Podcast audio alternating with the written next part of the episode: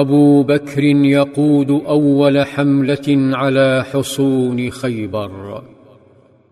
أشرقت الشمس فنادى القائد صلى الله عليه وسلم صاحبه الصديق وأعطاه الراية فامتثل أبو بكر ثم توجه بجنده نحو الحصن فدعا القوم للإسلام فرفضوا.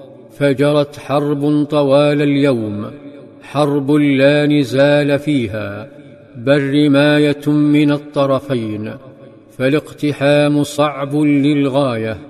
واليهود يجيدون التحصن ويجبنون عن المواجهة.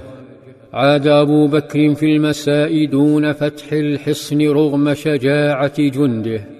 وفي اليوم الثاني كرر صلى الله عليه وسلم المحاولة لكنه أعطى اللواء هذه المرة للفاروق فتوجه عمر برايته للحصن ودعاهم للإسلام فأبوا وفجأة فتح باب الحصن فخرج ملك خيبر ويدعى مرحب.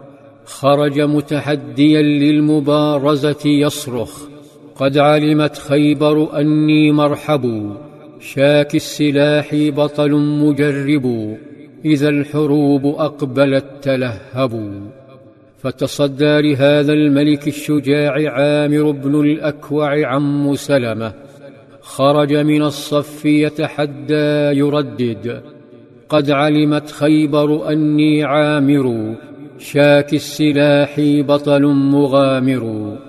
سل الشجاعان سيفيهما ودارا حول بعضهما فضرب كل واحد منهما الآخر ضربة ثم رفع مرحب سيفه فهوى به على عامر فرفع عامر ترسه وتصدى للضربة.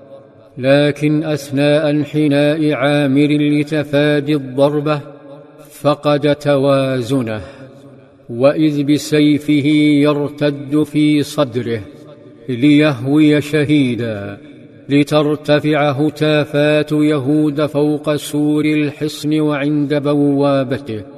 وسط ذلك الهتاف عاد مرحب مسرعا مزهوا لحصنه.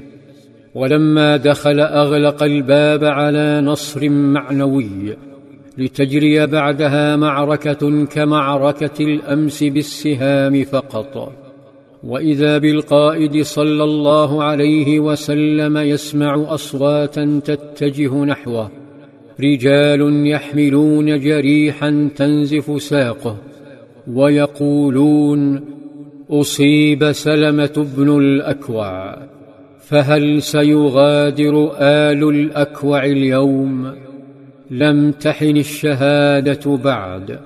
فسلمة يقول إنه ضرب يوم خيبر فقال الناس أصيب سلمة فأتي بي رسول الله صلى الله عليه وسلم فنفث فيه ثلاث نفثات فما اشتكيتها.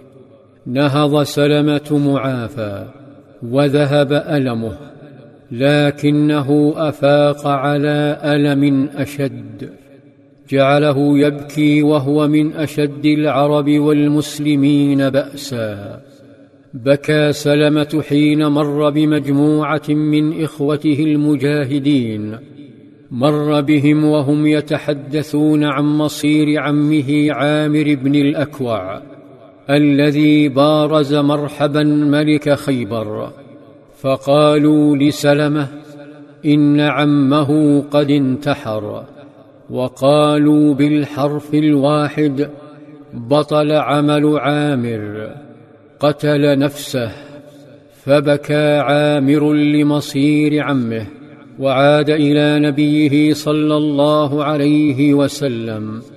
عاد مفجوعا عله يجد دواء لجرحه الأليم هذا. وقف أمام قائده صلى الله عليه وسلم فقال يا رسول الله بطل عمل عامر؟ فقال صلى الله عليه وسلم من قال ذلك؟ قال سلمة أناس من أصحابك. فقال صلى الله عليه وسلم كذب من قال ذلك بل له أجره مرتين. عادت السكينة إلى سلمة كما عاد جيش عمر دون أن يفتحوا خيبر وسكنت الأجواء وغربت الشمس عن يوم مرهق. جاع فيه الصحابة جوعا. جوعا حول أرض خيبر إلى مدرسة للتغذية الصحية.